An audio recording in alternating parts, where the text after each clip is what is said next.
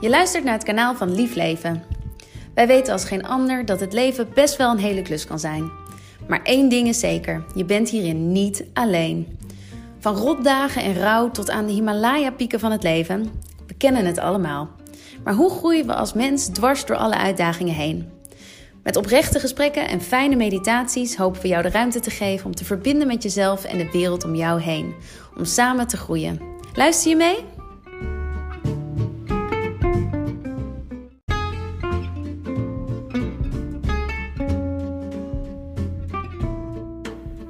Vandaag praten we over een onderwerp waar we in ons leven allemaal mee te maken krijgen en toch praten we er maar nauwelijks over. Remco verloor in een paar jaar tijd zijn beide ouders en neemt ons mee naar die ongelooflijk heftige periode. Van verdriet wegdrukken tot uiteindelijk je eigen beste vriend worden. Hij doorleefde het allemaal en helpt nu anderen in dit proces als jongere rouwcoach. Remco, vertel, hoe was jij als tiener? Ben super benieuwd. Zo, dat is gelijk een, uh, een pittige vraag. Nee, ik was, uh, ik was als tiener best wel rebels. Uh, moet, ja, ja, moet ik zeggen. Gewoon eigenlijk een, een, een normale jongen. Stereotype jongen. Die zich lekker afzet tegen zijn ouders. Niet aan zijn afspraken houdt hoe laat hij thuis moet zijn. Um, toch wel van een biertje hield. en hoe oud was je toen? Ja, kijk, uh, we hadden het hiervoor ook even kort over. Toen, toen ja, wij, wij, waren de, de, generatie van de 16 jaar en dan mag je drinken. Dus ik denk, ja, 14, 15, 16. Oei. Zoiets, ja. ja, dat is echt mensen van onder de 18 die luisteren. Zo ging dat vroeger. Ja, ja. Vroeger was alles beter, jongens. Vroeger was inderdaad alles. En nu klinken wij heel oud. We gaan snel, ja. naar, we gaan snel door. ja, alsjeblieft. Um, maar goed, jij, jij nou, je was een uh, redelijk uh, rebelse uh, puber, kan ik dat zo zeggen? Ja, zeker. Um, en op een gegeven moment veranderde jouw leven best wel dramatisch. Kun je daar iets over vertellen? Ja, ja zeker. nou, eigenlijk begon het toen ik 16 was. Um, weet ik nog heel goed dat moment. Toen, toen schoof mijn vader de schuifbui, schuifbui dicht aan de achterkant. En toen dacht ik al, oh, er is iets aan de hand. Nou, toen gingen we zitten met z'n viertjes, met mijn zus erbij en mijn moeder. En toen vertelde ze dat, uh, uh, dat de kanker weer terug, terug is gekomen. Um, dus mijn moeder, die, toen ik zes jaar oud was, toen heeft zij borstkanker gekregen. En op mijn zestiende kregen we te horen dat het weer terug was. Uh, en dit keer dan in een uitgezaaide versie, in uitgezaaide vorm. En dat kan eigenlijk, wat de arts ook zeiden, alleen nog palliatief behandeld worden. Dus wat, dat, wat betekent palliatief voor de mensen die dat niet kennen? Ja, dus uh, ik denk misschien makkelijker uh, levensverlengende behandelingen. Dus het, mm. ze, ze, ze, kan niet meer genezen worden. Dus het is gewoon om, om iemand zo lang mogelijk in leven te houden. Wow. Ja, dus dat was best wel pittig. Um, dus op, dat was wel het moment dat er bij mij heel veel veranderde. Um, maar ik denk dat eigenlijk de grootste klap daarin was uh, toen ik 19 was. Eigenlijk alle focus lag op mijn moeder. En ja, dat, dat, dat ze kanker had en dat, dat het misschien een keer klaar zou zijn. En uh, ben je onbewust toch best wel mee bezig, ook al ben je weer een tijdje verder. Um, en toen ik 19 was, overleed mijn vader plotseling. Gewoon uh, eigenlijk uit het niets. Geen, geen, ja, geen, geen, geen ziekte, geen, geen ziekte, aanleiding. He helemaal niks, nee. Nee, en dat, dat was echt. Uh, ja, dat was ongelooflijk. Ik was daar zelf ook bij en mijn moeder was er ook bij. Um, ja, dus pats boem. En ineens, en ineens is iemand weg. Dat was wel echt heel heftig. En vooral omdat je natuurlijk de focus voornamelijk op je moeder legt in die fase. Uh, dat, dan, dat dan ook zoiets nog kon gebeuren. Ja, dat hmm. hadden wij allemaal niet, niet, niet zien aankomen. Want hoe, hoe, hoe was jouw vader in die tijd? Gewoon een gezonde man en veel zorgen voor jouw moeder? Of hoe ging dat in die tijd? Ja, Um, hij, was, hij was gewoon een gezonde man. Kijk, hij, hij, hij liep wel bij, wat we achteraf wisten, is hij liep bij een cardioloog. Om uh, zijn hart in de gaten te houden, maar meer preventief. Maar verder, ja, kijk, hij hield van een sigaartje, hij hield van een klein whiskytje en een cognacje. En, maar verder, uh, een ongezonde man zou ik hem niet noemen. Nee. Dus het is niet, niet, niet dat er iets onderliggends was of zo. Hmm. Maar hoe, uh, je hoeft niet helemaal in detail te treden natuurlijk, maar hoe moet ik die situatie voor me zien? Was dat, jullie waren gewoon thuis en van het een op andere moment gebeurde dat? Of?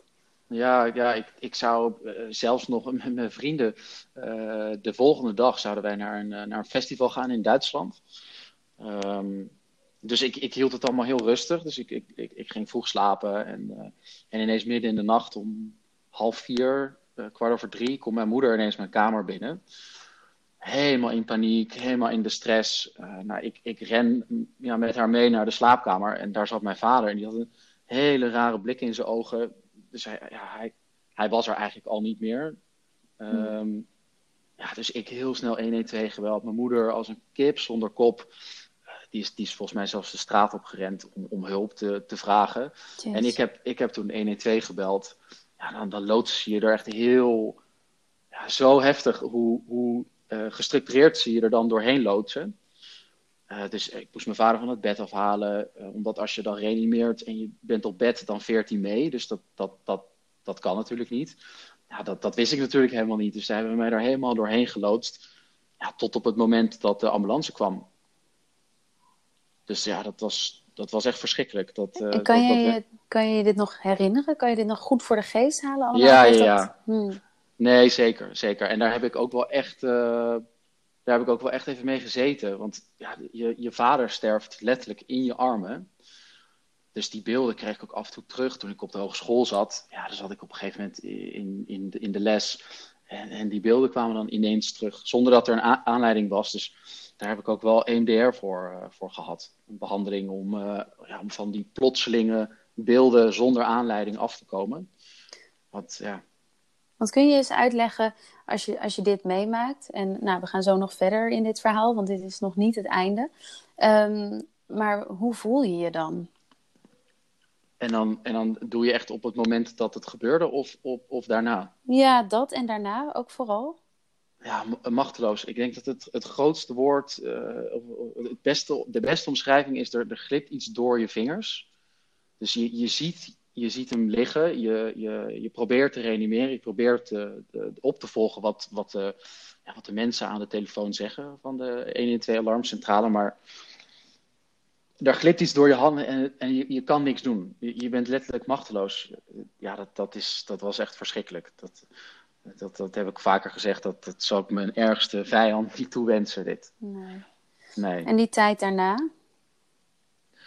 Ja, eerst is het eerst is dat zullen mensen uh, die ook iemand verloren zijn misschien wel herkennen, is dat eerst word je geleefd. Dus er komen mensen bij uh, over de vloer, heel veel tranen van ook andere mensen, van familie en van vrienden. En dan, en dan bereid je je voor op de uitvaart en je wil nog wat zeggen. En wie gaat de kist dragen? Wat voor kist willen we eigenlijk voor hem cremeren of begraven? Wat komt er op de kaart te staan? Maar gelukkig had ik mijn moeder toen nog, die voornamelijk de beslissingen nam. Maar dat is, dat is, dat is onwerkelijk. En dan daarna dan is hij dus begraven. En heb je de dienst gehad. Ja, en dan is het dus weer je leven proberen op te pakken. Hmm. Ja, en dat is, ja, dat is wel echt een proces. Zeker, dat was echt, dat, dat zeg ik nu met een lach, maar dat was het niet. Dat was echt, echt lastig allemaal. Ja, en we gaan, we gaan hier zo natuurlijk wat verder op in, want eh, ik denk dat heel veel mensen wat kunnen hebben aan, uh, ja, aan jouw ervaring in dit proces en wat je daaruit geleerd hebt. Maar het, het ging nog even verder. Uh... Ja, helaas ging het nog even verder. Um, ja, wat ik net vertelde, mijn moeder die, die kreeg dus weer uitgezaaide borstkanker toen ik 16 was. Ja, en eigenlijk daarna, um, dus na het overlijden van mijn vader 19, toen werd ik 20 en eigenlijk de jaren daarna ja, ging het eigenlijk steeds slechter met mijn moeder. En het ging in het begin nog best wel goed. Maar ja, je merkte gewoon dat, dat, dat er bepaalde dingen gingen afbouwen. Dus ze ging wat minder werken. Ze had wat minder energie.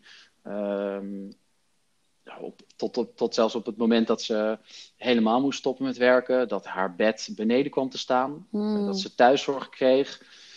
Ja, dat, dat was een aftakeling uh, van ongeveer mijn 21ste tot mijn 25ste. Jeetje. En hoe deed jij dat? Woonde jij toen thuis bij haar of op afstand en toch Ik woonde, ja, ik, ik, ik woonde eerst nog best wel lang thuis. Uh, dus ik denk tot mijn 22ste ben ik thuis gebleven. Gewoon puur om bij mijn moeder te zijn, omdat ik, ja, ik, ik was eigenlijk als ik er zo op terugkijk, was ik eigenlijk gewoon depressief die periode. Dus ik, ik bleef zoveel mogelijk bij mijn moeder en ik wilde daar zijn en echt in het proces en, en dicht bij mijn vader zijn graf. En En toen besloot ik wel op een gegeven moment om naar Amsterdam te verhuizen. maar ja, toen, ging ik constant heen en weer. Dus ja, veel thuis geweest, heel veel thuis geweest. Hmm. En, en toen, toen ze het bed beneden had en het, je voelde van het verslechtert nu echt? Ja, dan, dan, ja, dan is het dus echt het proces van, ehm, ja, echt het, ja, wat gaat er nu komen? En het, het, wat ik het meest herinner is, is dat ik steeds van verschillende mensen hoorde van het zou nu wel eens het einde kunnen zijn. Of het, je moet je misschien nu wat meer focussen op het einde. Misschien moet je nog wat teksten van haar op papier hebben, of een video, of haar stem, of foto's. Of... Ja, en dan leefde ze gewoon nog twee, drie jaar. Weet je wel? Dus ik, je leeft eigenlijk constant in de, met, met de gedachte: het kan wel eens stoppen.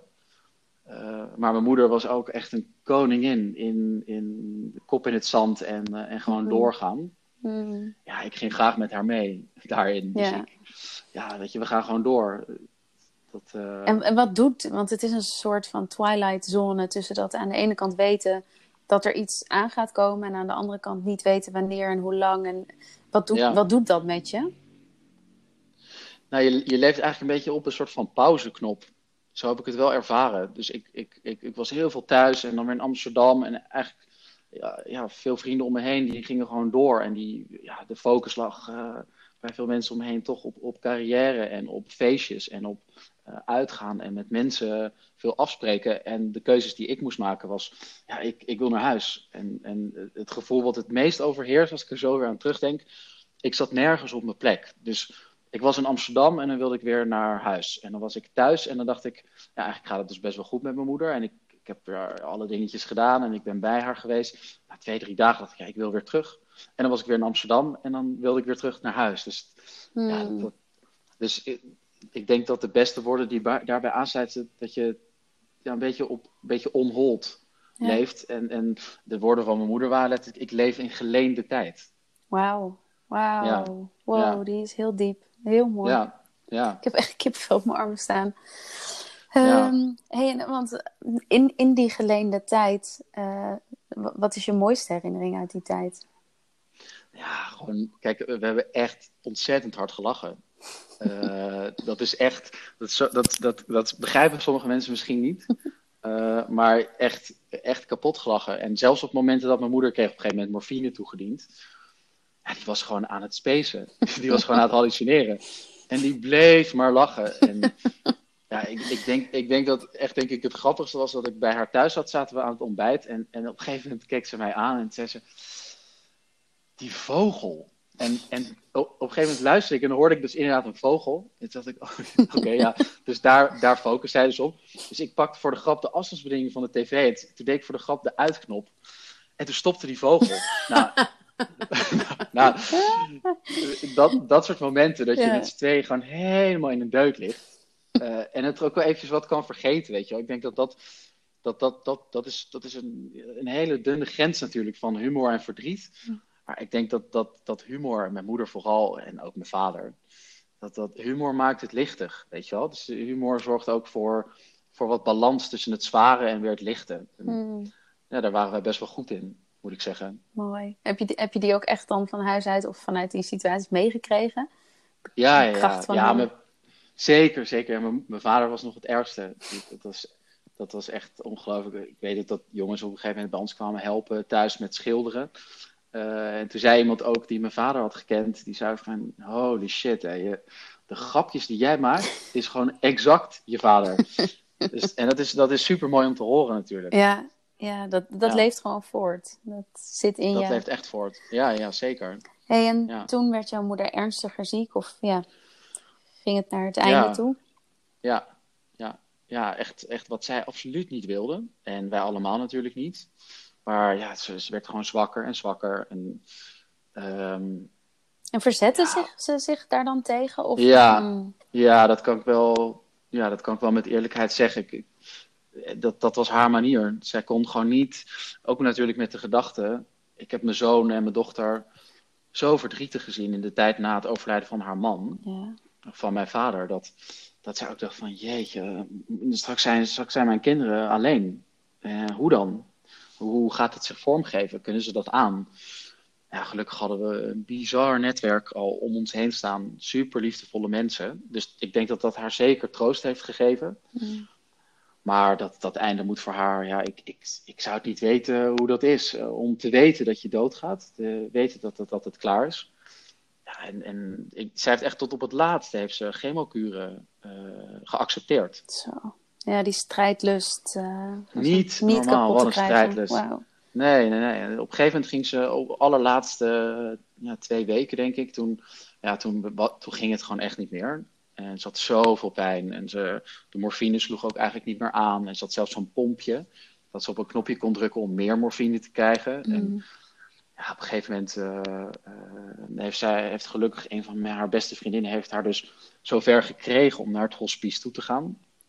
Uh, dat is echt zo'n waanzinnige plek waar iemand volledig tot rust kan komen. Mm.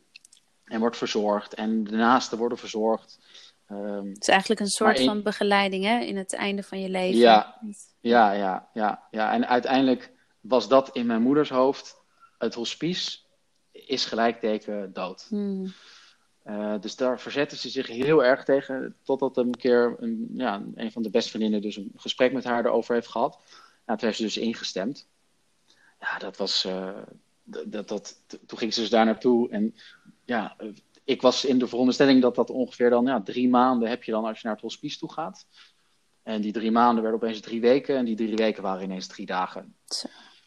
Dus toen is het zo snel gegaan. En uh, toen is ze daar met, uh, ja, met mijn vriendin en met mijn zus en haar, uh, ja, haar ex en mijn oom en tante is zij, is zij overleden. Zo. De... Jeetje, ja. En kan je nog teruggaan naar dat moment van wat dat met je deed? Ja, je had er inmiddels ervaring in, maar ik denk niet dat je hier ooit. Dat, gaat, dat, draagt niet bij aan hoe je daarmee omgaat, denk ik. Maar... Nee, kijk, dat andere is natuurlijk ineens. Hè? Dus dan, dan, je, je hebt niet alles kunnen zeggen, je hebt geen afscheid kunnen nemen. Het was ontzettend moeilijk te bevatten wat er nou gebeurde. En bij mijn moeder was het echt een proces van ja, jaren dat je, dat je er naartoe werkt. Dus je hebt nog gesprekken met elkaar kunnen voeren. Je neemt stukje bij beetje neem je afscheid. Um, en dan die intensieve mantelzorg. En ja, dan het moment van overlijden. Ja, ik, ik, ik, ja, ik was praktisch ontroostbaar Mm. uh, dat moment. En, en dat komt dus ook weer in stukjes. Dan, dan, dan, dat, is, dat, is, dat is het rouwproces. Dus dan komt het in alle eeuwigheid komt het op. En dan hebt het weer weg. En dan, ja, dat, dat is, dat, vooral dat moment zelf was echt verschrikkelijk. Um, maar ook weer die balans tussen de liefde van de mensen om je heen en het verdriet. Ja, dan, en dan, dan zijn er natuurlijk nog heel veel andere dingen die dan komen. Dus uh, veel impact heeft bijvoorbeeld ook gemaakt dat, dat ik de sleutel in het sleutelgat moest doen van mijn ouderlijk huis. Die leeg was gehaald, die verkocht werd. En die draai je dan om en dan heb je geen thuis meer. Mm. Dus, dan, dus dat, dat zijn ook van die fases, weet je wel. Dus, dus het overlijden, het, het, het leeghalen van het huis.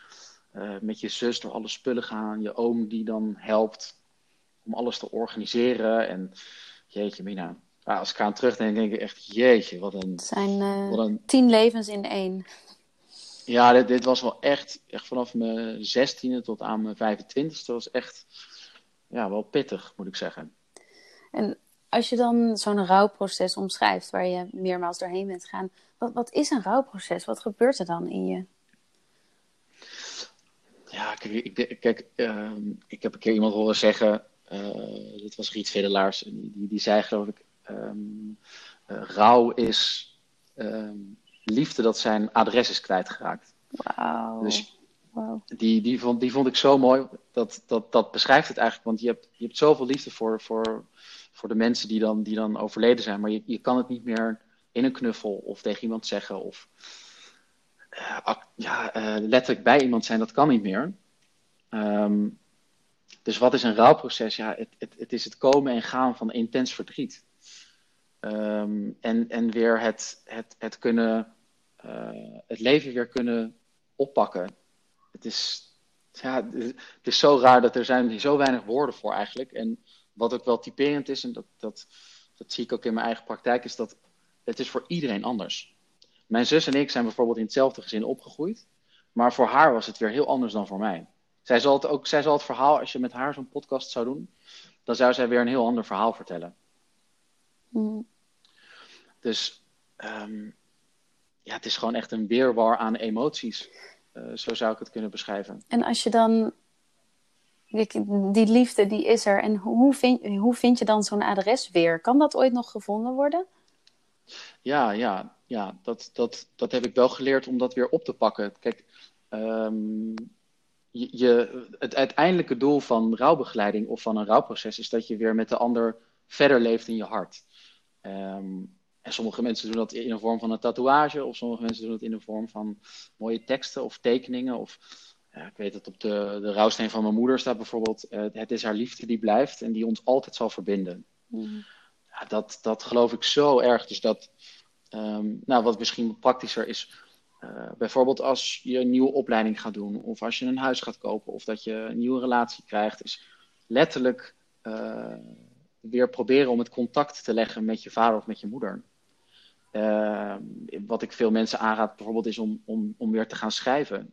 Schrijf eens een brief aan je vader. Schrijf eens een brief aan je moeder. En vertel eens gewoon letterlijk alsof die voor je zit.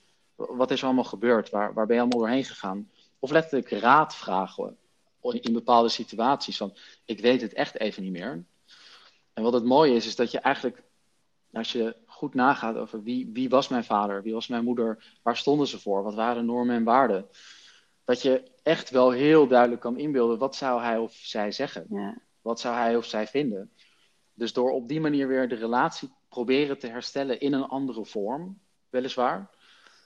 Ja, ik, ik, ik denk dat dat het allermooiste is in plaats van hij of zij is dood, punt. Want hoe zou je daar, want ik denk sommige mensen zullen wat meer spiritueel zijn, zullen echt voelen van oké, hmm. diegene is nog aanwezig of dat die, ver, die verbondenheid nog heel sterk blijven voelen. En anderen voelen dat misschien minder en die zouden dan een vraag stellen of, of, of een brief schrijven.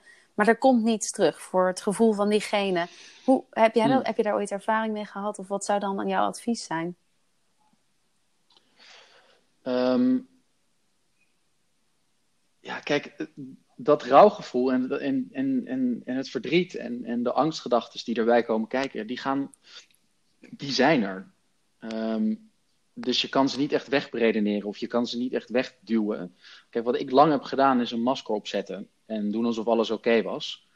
Uh, maar ik denk dat het, aller, uh, het allerbeste wat ik ooit heb geleerd is dus echt, oké, dus het komt nu op. Ik neem daar nu tijd voor. Dus ik ga nu echt zitten. Ik ga echt in dat proces. Uh, wat ik heel lang heb gedaan en heel vaak heb gedaan, wat ik ook aanraad, is op het moment dat het opkomt, het verdriet. Hè, en je merkt van, oké, hij of zij is er niet meer. Ik kan dit niet vragen ga dan eens gewoon echt zitten en neem eens de tijd voor wat er gebeurt. Ja, welke gedachten horen daarbij? Um, schrijf eens op wat je voelt. Ik, ik raad ook aan om bijvoorbeeld uh, de, de uitvaartnummers um, te luisteren. Hou de, hou, de, hou de trui vast van degene. Uh, als je die nog hebt, hou die, hou die trui even bij je. Probeer de geuren, de kleuren. Het is gewoon echt weer het herinneren en het aandacht geven, het bewust aandacht geven van het verdriet.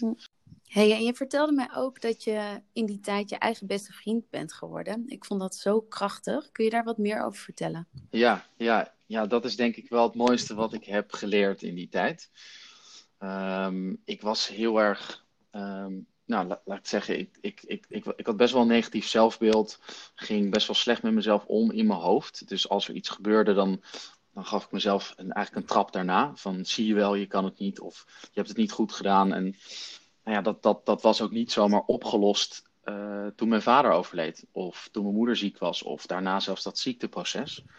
Um, en, en eigenlijk wat ik het, het mooiste wat ik heb geleerd in therapie is... Leer je eigen beste vriend zijn. leer om naast jezelf te gaan staan. Um, en dat klinkt natuurlijk heel mooi. Uh, maar dat was wel echt een moeilijk proces om, om dat te leren. Ja, want echt, hoeveel mensen zijn hun eigen beste vriend? Ik denk dat we allemaal zo best wel gemeen zijn tegen onszelf, toch? Dat... Nou ja, vaak, vaak wel. vaak ben je eigenlijk bijna zelfs het gemeenst tegen jezelf. Uh, dan, kijk, mensen maken bijvoorbeeld een rotopmerking of, of er gebeurt iets zoals een overlijden. Um, en, dan, en dan was ik altijd trappen gaf van uh, uh, ik kan het niet alleen, ik ben niet goed genoeg. Nou, en als je dan leert om, om, om echt eerst uitgebreid begrip te geven aan jezelf en aan je verdriet en aan je pijn, gewoon ook wat, wat, je, wat een beste vriend bij jou zou zijn. Een, een luisterend oor, vertel eens wat is er aan de hand. Um, En hoe doe je dat dan? Praat je nou, kijk, tegen? Nou, kijk, ik heb, ik heb daar een soort van stappenplan voor gekregen. En dat, dat pas ik ook toe. Dat doe ik nu ook in mijn eigen praktijk bij mensen. En dat is echt eerst erkennen dat je dit voelt. Erkennen dat het er mag zijn. Dus, dus niet wegstoppen, niet wegdrukken. Maar erkennen, ik voel me nu rot. Er gebeurt iets wat ik niet relaxed vind. Uh, diegene zei iets wat me raakt. En ik snap dat. Dus echt het begrip tonen. Dus ik, ik erken dat dit er is. Dan probeer ik te aanvaarden. En dat was dan voornamelijk met het overlijden. Dus ik probeer te aanvaarden dat dit een nieuwe situatie is. Um, ja, dat is natuurlijk super moeilijk. Maar als je eerst leert om jezelf dus erkenning te geven, daarna begrip en, en, en te proberen te aanvaarden dat dit een nieuwe situatie is. En daarna merkte ik dat na verloop van de tijd er een soort van bemoedigende stem ook was naast de kritische stem was er ook een bemoedigende stem. Van ja, ik snap het. En, en je doet het hartstikke goed. En het feit dat je nu nog, uh, dat je nu nog overeind staat na deze twee klappen, wat supergoed van je. Eigenlijk, eh, hoe ik, hoe ik het ook wel zou, zou, willen zeggen, wat zou jouw allerbeste vriend nu tegen je zeggen? Mhm. En, en, en het advies wat wij aan onze beste vrienden geven, of, of aan mensen, of aan naasten, of aan familie. Wij zijn zo lief voor mensen om ons heen, vaak. Um, uh, bieden een luisterend oor. Uh, geef, geven de ander ontzettend veel tijd om zijn verhaal te doen. Of zeg het maar, ik luister, ik ben er voor je, ik sta naast je. Nou, als, je dat, als je die liefde ook aan jezelf kan geven, wat ik dus op een gegeven moment heb geleerd, ja, dat, dat, dat, is, dat is een van de mooiste dingen die ik heb kunnen leren. Wauw, die komt binnen. Hey, en ehm, dit is dan heel erg het proces naar binnen toe. Dus met jezelf mhm. die relatie, uh, ja. bouwen aan de relatie met jezelf. En de ander is, hoe uit je het naar buiten toe, naar anderen? Was dat moeilijk? Ja, ja, ja dat, dat is heel moeilijk. Dat merk ik ook bij mensen die bij mij komen. En dat heb ik zelf ook heel erg ervaren. Want je wilt eigenlijk mensen op een gegeven moment niet meer tot last zijn. Uh, dus in het begin is het heel erg, vooral de eerste periode, merk je dat iedereen uh, is, is echt bereid om, om te luisteren en te helpen. En, maar na verloop van de tijd ja, zwakt dat wat af. Um, ja, dus, dus, dus wat ik heb geleerd um, is om vrienden dus in te zetten op hun kracht. Dus ook niet meer van iedereen te verwachten dat, uh, dat die constant naar je vraagt: hoe is het nou met je? ben je nog veel met je ouders bezig? Kijk, het staat niet op je voorhoofd geschreven. Nou, dat is vaak nog best wel het, het, moeilijke, vooral in een rouwproces, vind ik. Is dat je zit al in een positie dat, je, dat er iets overkomt wat je eigenlijk helemaal niet wilt. En daarna moet jij ook nog assertief zijn om dus het gesprek open te breken. En, en gesprekken te hebben met mensen die ze eigenlijk wel helemaal niet willen voeren. Of uh, los van dat, vrienden willen dat natuurlijk wel. Maar het zijn hele moeilijke en kwetsbare thema's. Uh, het, het, het, confronteert ook de ander met zijn eigen sterfelijkheid. Of gaat nadenken over uh, uh, hoe zou ik me voelen als mijn ouders er niet meer zijn. Of als mijn moeder er niet meer is. Of mijn broertje of mijn zus. Of mijn, dus die, die gesprekken zijn moeilijk. En daarbovenop nog, mensen vinden het moeilijk om emotie te zien. Dus, dus om de ander te zien huilen of in zijn kwetsbaarheid te zien. de eerste reactie is vaak troosten. Gelijk armen omheen aftikken, weet je wel. Van, mm. Uh, komt wel goed, komt wel goed. Terwijl denk ik het mooi is als je, uh, ja, ook voor, voor dus vrienden, om, om gewoon iets meer tijd te nemen en gewoon de vragen te durven stellen. Uh, en dat kan bijvoorbeeld heel makkelijk voor, ja, misschien voor tips voor, voor omstanders. Van als je met iemand aan het hardlopen bent, uh, wat voor sport deed jouw vader eigenlijk? Of je bent aan het koken, uh, wat was lievelingsgerecht van je moeder? Of uh, welke, je bent een spelletje aan het spelen. Welk spelletje vond jouw broertje of je zus uh, leuk om te spelen? Dus het, het, hoeft niet constant te gaan over die laatste fase. Het kan, het kan ook gaan over luchtige dingen, leuke dingen, mooie herinneringen, een glimlach. Heel mooi. Ja, die andere kant is ook zo moeilijk, hè? Van, want je wil eigenlijk, je weet niet of de ander op dat moment eraan herinnerd wil worden. Even zeg ik dan vanuit Precies. mijn uh, vriendschappositie. Dus ja, hoe voel je dat als vriend of vriendin dan aan? Ja, dat is dus moeilijk uh, in te schatten. Dus daarin ligt dus de bal, vind ik, en dat heb ik ook moeten leren, bij degene die dus verdrietig is, of die dus in pijn is of, of in rouw is. Uh, waarin je echt wel voor, voor, jezelf op mag komen, en dat leer ik ook mensen, is van, ik vind het super fijn dat je daarnaar vraagt. Maar zou je het misschien op een ander moment nog een keer willen vragen? Ja. Gewoon heel krachtig, heel simpel. Het, mm. het kan bijna niet simpeler dan dat. Um, Maar dat is wel heel moeilijk, want je wil de ander niet kwetsen, want die vraagt er eindelijk naar. En je wilt ook niet dat hij er nooit meer naar vraagt, of dat zij er nooit meer naar vraagt. Dus, dit is dus eigenlijk, heel... sorry, dit is eigenlijk het hele ding met ons. We leren gewoon niet echt goed praten over onze gevoelens. Want dit is voor heel veel mensen niet normaal om te doen. Terwijl eigenlijk, hoe moeilijk is het om gewoon te zeggen waar je behoefte aan hebt en niet? Ja, je zegt letterlijk, nee, dank, nee dankjewel. Zou je het alsjeblieft op een ander moment nog een keer willen vragen? Want ik ben nu, nu juist lekker met iedereen even een drankje aan doen. Of uh, ik zit er eigenlijk net, net, lekker in. Uh, zullen we anders uh, eind van de dag even samen wandeling maken? Of snap je, dus het, het, is, het is heel erg weer terug naar de basis. En niet pleasend dan maar erover gaan praten. En dan zit jij weer in, in, een, in een mineur. Mm -hmm. Dus het is, ja, het is echt leren te luisteren naar waar heb ik behoefte aan en, en, en, en wat vind ik fijn. En je zei, je zei net ook, dat vond ik heel treffend, um, van mensen willen je heel erg graag troosten en zeggen dat alles goed komt. En dat, ik heb dat in mijn leven ook vaak meegemaakt. Mensen zeiden van, uh, maar, maar het komt allemaal goed. En dat ik steeds miste van, ja, maar misschien is het nu al goed met de pijn die ik nu ervaar. Of met dat dingen niet oké okay ja. zijn. Maar doordat het steeds naar voren werd geschoven, ja, kwam ik helemaal los te staan van mijn eigen... Ik, ik snapte niet meer hoe ik met mijn pijn en verdriet om moest gaan. Herken je hmm. dat? Dus... Ja, ja, ja. ja. Um, uh, ik, ik had juist een beetje die andere beweging van... Oké, okay, maar het komt, het komt nooit meer goed. Hmm. Want mijn ouders zijn er niet meer. En die komen ook niet meer terug. Dus ja, als iemand dan zegt, uh, het komt wel goed. Maar ja, de, de, de, de woordenschat om, om iemand te troosten is natuurlijk... dat, dat blijft heel lastig. Ja, ja. want, want, we, want we zeggen ook, hoe gaat het met je? Ja, goed. Ja. Uh, dat, dat is ook standaard. Of, of het komt allemaal goed. Ja, het zijn allemaal... Als je leert zien dat de ander echt zijn best doet om jou te troosten...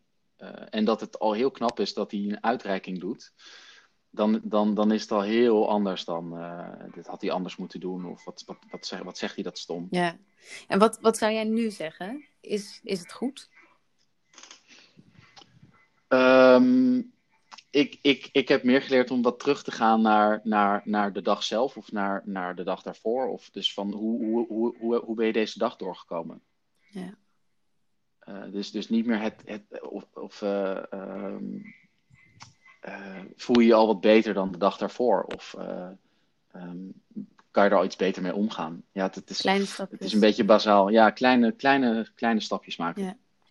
Hey, en um, bij die kleine stapjes hoort dat het af en toe heel goed gaat en af en toe gewoon even helemaal kut. Um, ja. Ja, je hebt gewoon onwijs veel meegemaakt, maar wat, wat heeft het jou gegeven? Wat, wat voor kracht of wat heeft het je in je leven wel gebracht? ja, dat ik, dat ik um, echt meer naar mezelf ben gaan luisteren. En, en meer ook naar mijn eigen behoeftes ben gaan luisteren. Um, waardoor je ook steeds beter weet wat je nodig hebt om, uh, om rustig te zijn, om, uh, om verder te groeien. Ik uh, ben veel met spiritualiteit bezig gegaan, een beetje verdieping daarin. coachopleidingen gedaan, psychologische boeken gelezen, veel intervisie heel erg met jezelf bezig zijn. Waardoor ik vind, vind ik vind zelf dat ik daar een prettiger mens door ben geworden. Hmm. Dus het heeft me veel gegeven. Mooi. En ja, naast ja. prettiger mens ook, uh, ook een eigen praktijk nu dus. Kun je daar iets meer over vertellen? Ja, ja, ja. Dus, dus ja, ik merkte gewoon heel erg wat ik, uh, wat ik, wat ik miste in mijn rouwproces. Uh, en ik merkte doordat ik met andere mensen praatte die ook iemand waren verloren, dat was zo ontzettend fijn. Dus eigenlijk lotgenotencontact. En ik dacht, hoe kan ik dat omzetten naar een eigen praktijk? Dus ja, veel trainingen en coachopleidingen. En, uh, en uiteindelijk dacht ik, ik ga die stap gewoon zetten. En, en ik ben dus nu uh, rouwcoach voor jongvolwassenen. Uh, jongeren en jongvolwassenen. die dus iemand zijn verloren. Dus het verlies van een dierbaar persoon. Kijk, kijk, rouw is natuurlijk heel breed. Dus het kan ook het verlies van een, een, een, een ledemaat of het verlies van een baan of gezondheid. Of, maar ik focus me echt op, op, op de rouw van het verlies van een persoon. Ja, dus dat is er ook uitgekomen. Dus eigenlijk best wel je, je grootste nachtmerrie of je grootste verlies en pijn omzetten naar andere mensen daarmee helpen. En ik merk dat dat echt goed gaat. En dat, dat, dat ja, die verbinding die je kan maken met iemand doordat de ander dus weet van oké, hij snapt me, mm. hij begrijpt me, ik hoef het eigenlijk niet eens uit te leggen. Ja. Ik merk dat dat, dat, dat dat werkt heel erg. Ja. Hey, en waar kunnen we je vinden? Ja, ja dat, uh, kijk, ik zei net dat ik rouwcoach was, dus ik dacht ik moet een beetje een makkelijke naam uh, vinden natuurlijk. Dus dat is op www.jongerenrouwcoach.nl. Nou, top. Dat kunnen we denk ik wel vinden. ik denk het ook, ja. Ja, dat is makkelijk. Ja. Hey, en uh, we sluiten deze afleveringen altijd af met een wijze les die je hebt geleerd of ja. van iemand anders ja. hebt meegekregen. En of je die aan ons door wil geven. Zeker. Um, nou, ik, ik ik heb een boek gelezen onlangs en dat boek dat heet De Keuze, Leven in Vrijheid van, uh, van Edith Eger. Nou, dat, dat, dat boek heeft me echt omver geblazen. Deze vrouw die heeft in Auschwitz gezeten. Nou, de, de titel van het boek zegt het eigenlijk al, De Keuze. Dus zij heeft echt geleerd, ze is nu psychotherapeut, um, en zij heeft echt geleerd om, om een andere keuze te maken. Dus niet meer voor angst en verdriet en pijn, maar kiezen voor liefde, hoe zij dat dan noemt. En ik heb ook een uh, voorwoord mogen schrijven voor het, uh, een boek van Riet Vedelaars. En, en, en de titel daarvan is Kwetsbaarheid is kracht.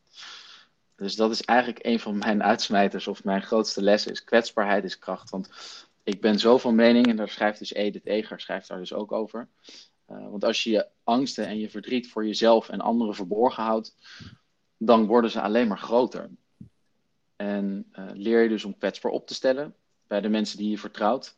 Um, en om je op een bepaalde manier emotioneel te ontladen. Dus ik denk dat de, ja, de laatste les is kwetsbaarheid is kracht. Nou, die nemen we mee. Dat is een hele, hele waardevolle. Ja, ja dus, ik hoop het. Ik hoop dat jullie er wat de aan hebben. De deur open, je eigen beste vriend worden en gewoon kwetsbaar in het leven durven staan. Ja, vooral dat durven. Ja. Durf, durf, durf het maar, want het is echt minder eng dan je denkt. Ja. Nou, dankjewel. En we spreken elkaar snel. Jij dankjewel. Ja, gaaf. Mooie dag.